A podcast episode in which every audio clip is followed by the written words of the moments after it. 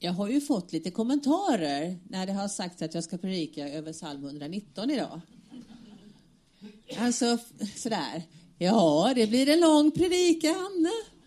Ja, ska du gå igenom alla verserna? Ja, det har varit lite sådana kommentarer. För psalm 119 det är Bibelns absolut längsta psalm och längsta kapitel. Det är 176 verser. Så om du kom och var rädd att jag skulle gå igenom alla verserna så kan du luta dig tryggt tillbaka. Jag kommer inte att göra det. Jag kommer att gå igenom några utav verserna. Men jag skulle önska att du gick härifrån och inte bara tänkte på psalm 119 som en lång psalm. Det finns ett innehåll i den också. Och jag tror ju att Guds ord är levande. Så jag tänker ju att den här salmen just här idag kan få betyda någonting för dig. Kan få ge dig vägledning där du är just nu i ditt liv. Jag tror ju att den kan förvandla, för Guds ord är levande. Det, så står det och så tror jag. Det finns ingen namngiven författare till den här salmen. Det finns lite olika teorier. En del tror att det var kung David som samlade ihop det här och, och sammanställde det till denna långa psalm. Andra tror att det hände när israeliterna var i fångenskapen, att det var då den här salmen kom till. Så riktigt vad den har för bakgrund, det vet vi inte. Och hade det varit jätteviktigt så hade säkert Gud sett till att vi hade vetat det. Men nu, nu står inte det. Men det vi kan förstå om den som skrev salmen, det var ju att det var en person som någonstans hade kopplat vad Guds ord kan betyda i livet. För det här, det är en 176 versar lång hyllningssång till Guds ord. Det är en författare som med alla tänkbara synonymer vänder och vrider på det och försöker få oss att begripa att Guds ord det är fantastiskt. Guds ord är värt att hylla, Guds ord är värt att respektera, värt att lyda, värt att följa, värt att stå på. Det kan vi veta om den här författaren. Ehm, jag brukar säga så här att det här med att ta tumverser kan ju vara lite riskabelt. Ni vet när man bara öppnar Bibeln och så, vad står det här? Man får ju då någonting som är ryckt ur sitt sammanhang. Men när det gäller psalm 119 så funkar det faktiskt ganska bra. För den här psalmen är inte så där att den börjar här och sen så är det som en lång kedja där det ena leder till det andra. Den är inte sån. Utan det är mer som en pärla här och sen en pärla här och en pärla här och en pärla här. Och därför så går det ganska bra att sätta fingret. Och så läser du några versar före och några versar efter. Och det är riktigt bra. Då har du ett sammanhang. Då har du liksom fångat en pärla. Så kan man läsa psalm 119. Ja, en del verser är väldigt välbekanta. De här tror jag flera har hört i olika sammanhang eller fått som minnesversar i söndagsskolan. Vers 18 som Kristina läste. Öppna mina ögon, låt mig skåda det underbara i din lag. En klassiker. Eller 89 Herre, för evigt står ditt ord fast i himlen. I alla tider gäller vad du har sagt. Ja, den är bra. Ja. Och 105 som har stått i biblarna man fick i söndagsskolan. Ditt ord är mina fötters lykta och ett ljus på min stig. Eller vers 160. Summan av ditt ord är sanning tror att många av er känner igen de här verserna. Det finns många av de här guldkornen i den 119 salmen. Ehm, det fanns en politiker i England som heter William, jag skrev upp hans namn, för jag kan, oh, Wilberforce heter han. Jag har sett filmen om hans liv. Det var den politiker som hela sitt liv kämpade för att avskaffa slaveriet. Det var inte lätt för honom. Det var många motgångar. Det var många hårda duster i det brittiska parlamentet. William kunde den här salmen utan till. Och det sägs att varje dag när han gick hem från parlamentet så reciterade han den här salmen varje dag. Och jag tänker att, att det var där han hämtade kraften att klara av alla de där tuffa kamperna han hade. Om man går och läser till exempel så här. Ge mig förstånd att lyda din lag, att hålla den helt och fullt. Ge mig förstånd att lyda din lag, att hålla den helt och fullt. Alltså det händer någonting på insidan. Eller om man varje dag går och läser så här. Du har gett dina befallningar, de ska noga följas. Du har gett dina befallningar, de ska noga följas. Alltså jag tror att han hämtade kraft här. Och till slut så vann han ju och slaveriet avskaffades. Och då tänker jag, tänk om våra riksdagsmän gick hem från riksdagshuset. Du har gett dina befallningar, de ska noga följas. Alltså det skulle hända någonting, inte sant? Eller om vi tar det lite närmare, vi tar det till dig och mig. Tänk om vi varje dag, efter jobbet eller när det passar. Du har gett dina befallningar, de ska noga följas. Lycklig är den som följer Herrens lag. I dina stadgar har jag min lust. Alltså det händer ju någonting på insidan när man mättar sig så med Guds ord. Så det är ju ett tips. Lär dig 119 psalmen utan till. Ja. En del är duktiga på sånt, inte alla andra. En sommarutmaning. Mm. Den här salmen har en liten speciell struktur. Om du delar 176 med 8, då blir det 22. 22 gånger 8 är 176. Och I det hebreiska alfabetet så finns det 22 bokstäver. Och Den här salmen är så samlad att de är i grupper om åtta. De första åtta verserna börjar på den första bokstaven. Nästa åtta versar börjar på den andra bokstaven i alfabetet och så håller det på så. Alltså det här är inte sammanställt av en slump, utan det är någon som har lagt ner mycket jobb på att få en struktur i den här salmen. Det ser ju inte vi som läser en svensk översättning. Nej, men det kan vara kul att veta. Vi ser ju inte heller att i varje vers, förutom fem tror jag som de diskuterar om, så står det en synonym till bibelordet. Men om du läser i din svenska översättning så kommer du ändå att se att i nästan varenda vers så står det en synonym till Guds ord.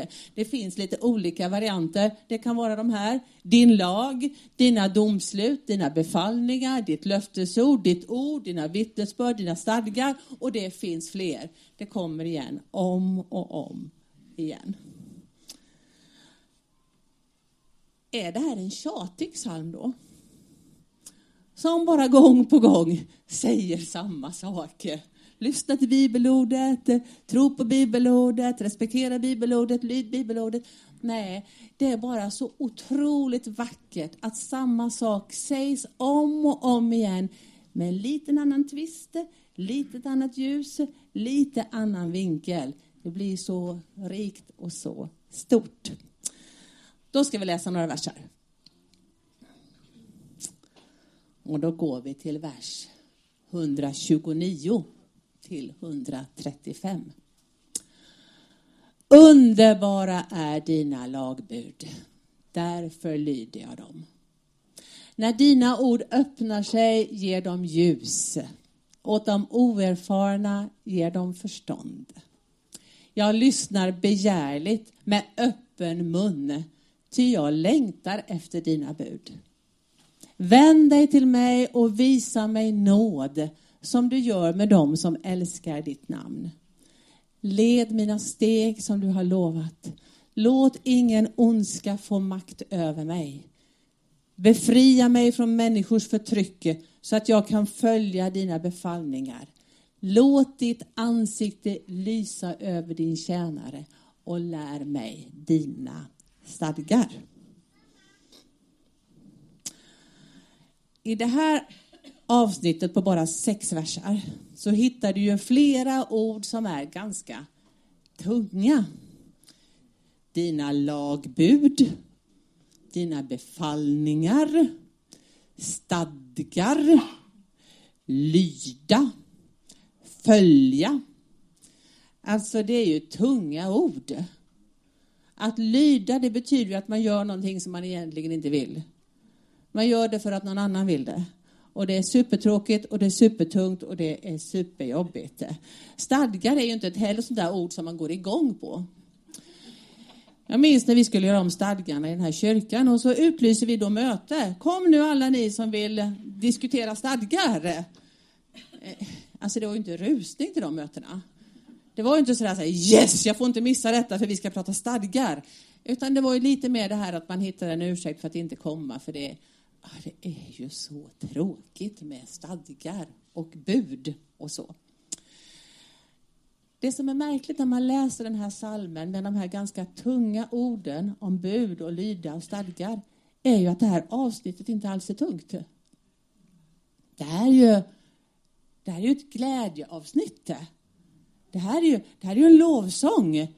Det här är ju tacksamhet. Jag lyssnar begärligt, jag längtar efter dina bud. Visa mig det här, jag behöver det här, jag sträcker mig mot det här. Alltså det här är ju inte tungt. Det här är ju en, en lovsång. Och när israeliterna sjöng den här salmen så var det ju inte den tyngsta finska mollsalmen utan det var ju en glädjesalm. Det var ju lovsång. En fantastisk psalm. Hur går det ihop? Jag tror att en nyckel är i vers 129 där det står eller 130. När dina ord öppnar sig så ger de ljus. När dina ord öppnar sig ger de ljus. Alltså Guds ord är inte bara trycksvärta i en bok. Guds ord är levande. Varje skrift är utandad av Gud, skriver Timoteus. Alltså Gud har med sin ande andats in i bibelordet. Och därför så händer det någonting när vi läser bibelordet. Han visar vem han är. Det blir ljus. Och det kan hända för dig, precis som det hände för William Wilberforce. Det ger ljus åt dig. Därför läser vi Bibeln på två sätt. Vi läser den dels så som man läser en vanlig text. Man läser den kontextuellt. Man tänker, vad är det som det står egentligen? Och vad betyder de här orden? Och vad står det inte? Och i vilket sammanhang är det skrivet? Så läser vi naturligtvis Bibeln också. Så läser vi alla texter. Så läser vi tidningen. Men sen läser vi den också med ett öppet öra.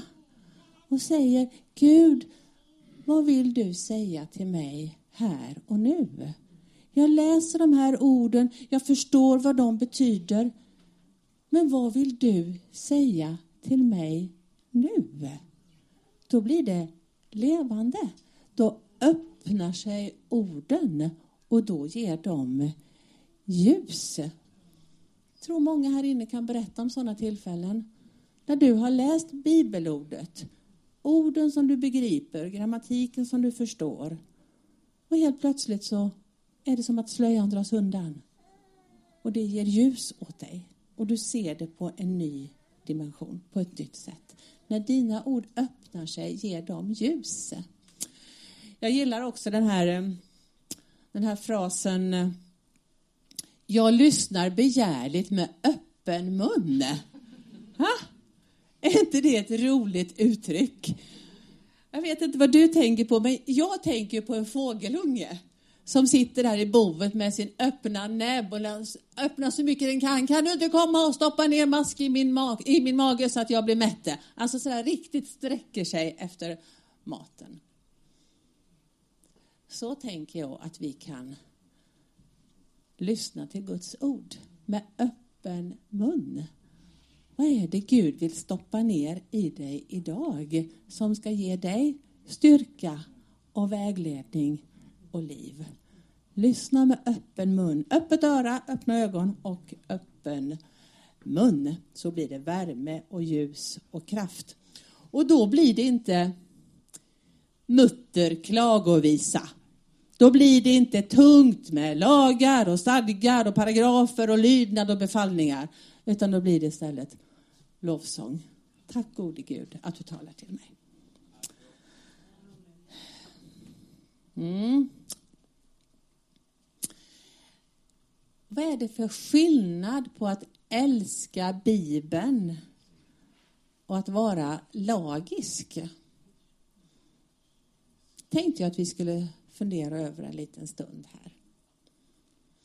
Att vara lagisk, det är ju ett eh, skällsord idag. Och vi kan minnas med förskräckelse tider längre tillbaka i tiden när det fanns lagiskhet som utestängde människor från gemenskapen. Man fick inte vara med för att man föll på ett eller annat bud. Och jag kan komma ihåg hur ledsen jag var när jag inte fick vara med och sjunga i kören för jag hade glömt min basker hemma. Mm. För på den tiden så skulle man ha någonting på huvudet när man sjöng. Om man inte hade det så fick man inte vara med. Jag var jätteledsen då. Det var så lagiskt. Nej, vi vill inte vara lagiska och hårda idag. Nej, vi vill vara nådiska. Vi vill vara barmhärtiga. Vi vill tala om att det inte är gärningar som kan hjälpa oss, utan det är nåden genom Jesus Kristus som frälsar oss. Det är det vi vill säga. Det är, det är inte basken som leder mig till himlen, utan det är Jesus. Det vill vi ju säga idag. Ja, ja, ja det är skönt. Men här uppmanas vi ju ändå att älska Guds bud. Att respektera Guds bud, att lyda Guds bud. Och vad är det då? Alltså, blir man inte lagisk då om man respekterar Guds bud? Nej. Att vara lagisk, det är att tro att lagen kan rädda dig. Att vara lagisk, det är att tro att du är lite bättre än alla andra bara för att du inte trillar på samma ställe som alla andra gör. Att vara lagisk, det är att tro att jag är bättre för att jag är så präktig och jag är så duktig. Att vara lagisk är att se ner på den som kämpar. Då är man lagisk. Och då har man inte fattat ett dugg vad lagen är till för. För lagen är inte till för att du ska känna dig duktig och perfekt och för att du ska se ner på någon annan. Det är inte meningen med lagen. Men lagen är god. Lagen är god. Lagen är viktig. Lagen är som vägvisare till det goda livet. Lagen är som lyktan som jag behöver när jag ska gå och det är mörkt. Lagen är som skyddsräcket vid vägen som hjälper mig så jag inte trillar i diket. Lagen är fantastisk att få hålla sig i när man ska leva på den här jorden och inte riktigt veta hur, hur ska jag veta vad som är rätt? Hur ska jag veta vilken väg som leder mig rätt? Jo, men det finns ett Guds ord att hålla sig i. Så det går alldeles utmärkt att kombinera att vara nordisk och att älska lagen. Att vara nådisk, vara barmhärtig, veta att Gud öppnar himlen på grund av nåd. Och sen, tack gode Gud att det finns en lag som jag kan hålla mig i så jag får lite hjälp när jag ska vandra genom den här världen. Det går alldeles utmärkt att respektera lagen utan att vara lagisk och fördömande. Ja, det var det. Jesus Jesus lyckas ju kombinera lag och sanning. Nåd och sanning, förlåt. Jesus säger att det är nåden och sanningen som ska göra oss fria. Jesus är den mest nådiska person som finns. Jesus hänger med dem som ingen annan vill hänga med. Jesus försvarar dem som ingen annan försvarar. Jesus ser aldrig ner på någon människa som kämpar och som har det trassligt i sitt liv, utan Jesus säger, jag är med dig. Det är du och jag. Sån är Jesus. Men han är också så sann.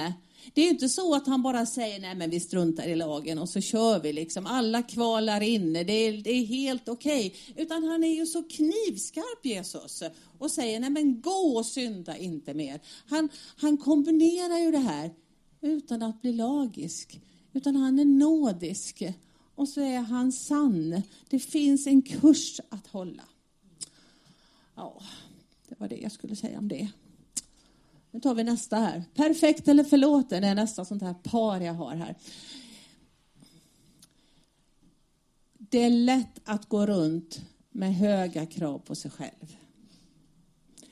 Det är lätt att känna att eh, jag är inte lika bra som de andra. Nej. De andra är andligare än vad jag är. De är lite mer kristna än vad jag är. Ja. Och jag tror att ni ler lite för att ni känner igen er, för att ni har varit där. tror vi alla har varit där någon gång. Man sjunker ihop och så jämför man sig och så känner man, ja. Bibeln säger inte att man kan vara mer eller mindre frälst. Nej. Det finns inte halvfrälsta och trekvartsfrälsta och några som bara är 5 frälsta. Nej. Bibeln säger att Jesu fräls, det som han har gjort på korset, det är till för oss alla i sin fullhet. Och Bibeln säger att han har gett oss av sin ande, av sin fullhet. Han har alltså inte skvättat ut lite granna. Lite till den och lite till den och nästan ingenting dit. Nej, vi har fått av hans fullhet allihopa. Vi är precis lika andliga allihopa. Precis lika frälsta allihopa. När Paulus skriver sina brev så börjar han ofta med att skriva till de heliga. Heliga i Korint eller de heliga i Kolosse. Då kan man ju fundera, ja, är det eliten han skriver till då? Är det de där fem superandliga han skriver till? För Paulus säger att de är lika heliga allihopa i den här församlingen, så han skriver till de heliga. Inte några halvheliga, trekvartsheliga. Alla är lika heliga. Ja. Det finns en lag som har en hög standard. Och så inser vi allihopa väldigt snabbt att eh, jag räcker inte till här. Jag håller inte måttet. Och så förstår vi jag behöver nåd och jag behöver förlåtelse. Och så går jag till Jesus. Som det inte hade funnits någon lag som visade mig vem jag är så hade jag inte förstått att jag behöver gå till Jesus. Så visst är det bra att det finns en lag. Då kan man ju tacka Gud för den och säga precis som psalmisten, jag älskar dina bud. Jag vill hålla dem, jag vill följa dem, jag vill lyda dem. Därför att det är just de buden som kommer att driva mig till Jesus Kristus. Så vi behöver inte ha någon putsad yta, hörni. Vi behöver inte låtsas som att vi är något annat än vad vi är. Vi kan vara ärliga. Vi kan vara ärliga inför Gud och vi kan vara ärliga i, inför varandra. Vi kan komma till Gud och säga det här är jag. Det här är jag med mina brister. Det här är jag med mina tillkortakommanden. Och så säger han då, som det stod i den här salmen, nu ska jag lägga fram den igen. Får vi be, vänd dig till mig och visa mig nåd. Vi går till Gud med våra brister och säger, vänd dig till mig och visa mig nåd. Vi kommer till honom med vår svaghet och han ger sin nåd och han ger sin eh, förlåtelse. Och så säger han sanningen. Sen kan vi ju våga välja sida också. Man kan våga vara ärlig, men man kan också våga välja sida.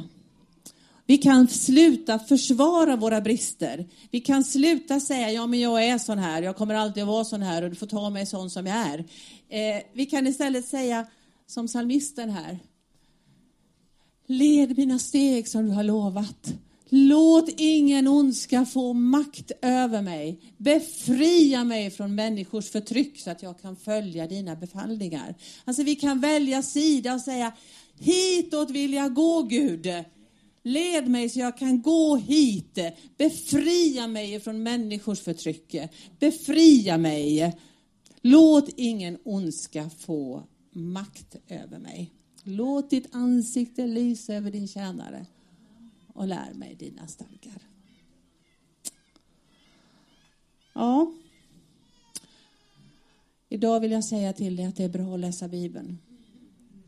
Det är jättebra, därför att rätt som det är så öppnar sig bibelordet. Mm. Och då får du vägledning. Och då får du ljus. Mm. Jag ville säga till dig att du ska inte vara lagisk.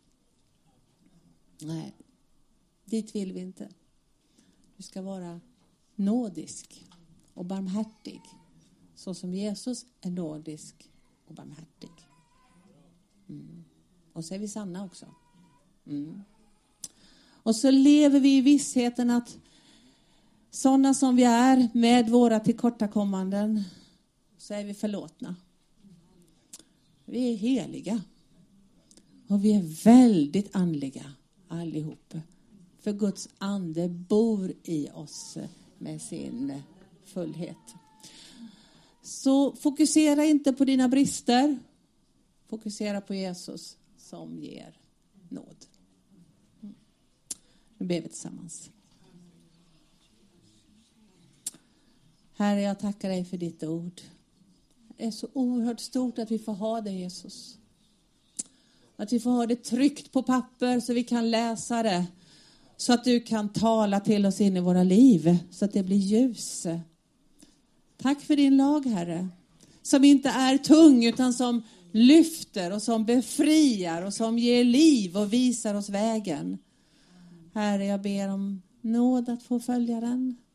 Herre, jag ber om kraft att få följa dig.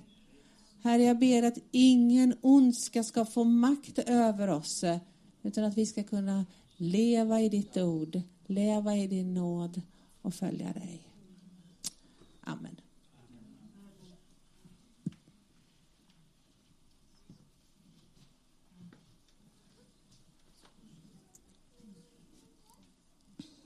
Lev i bibelordet, sa Elisabet. Eh, jag tänker att vi ska göra det nu.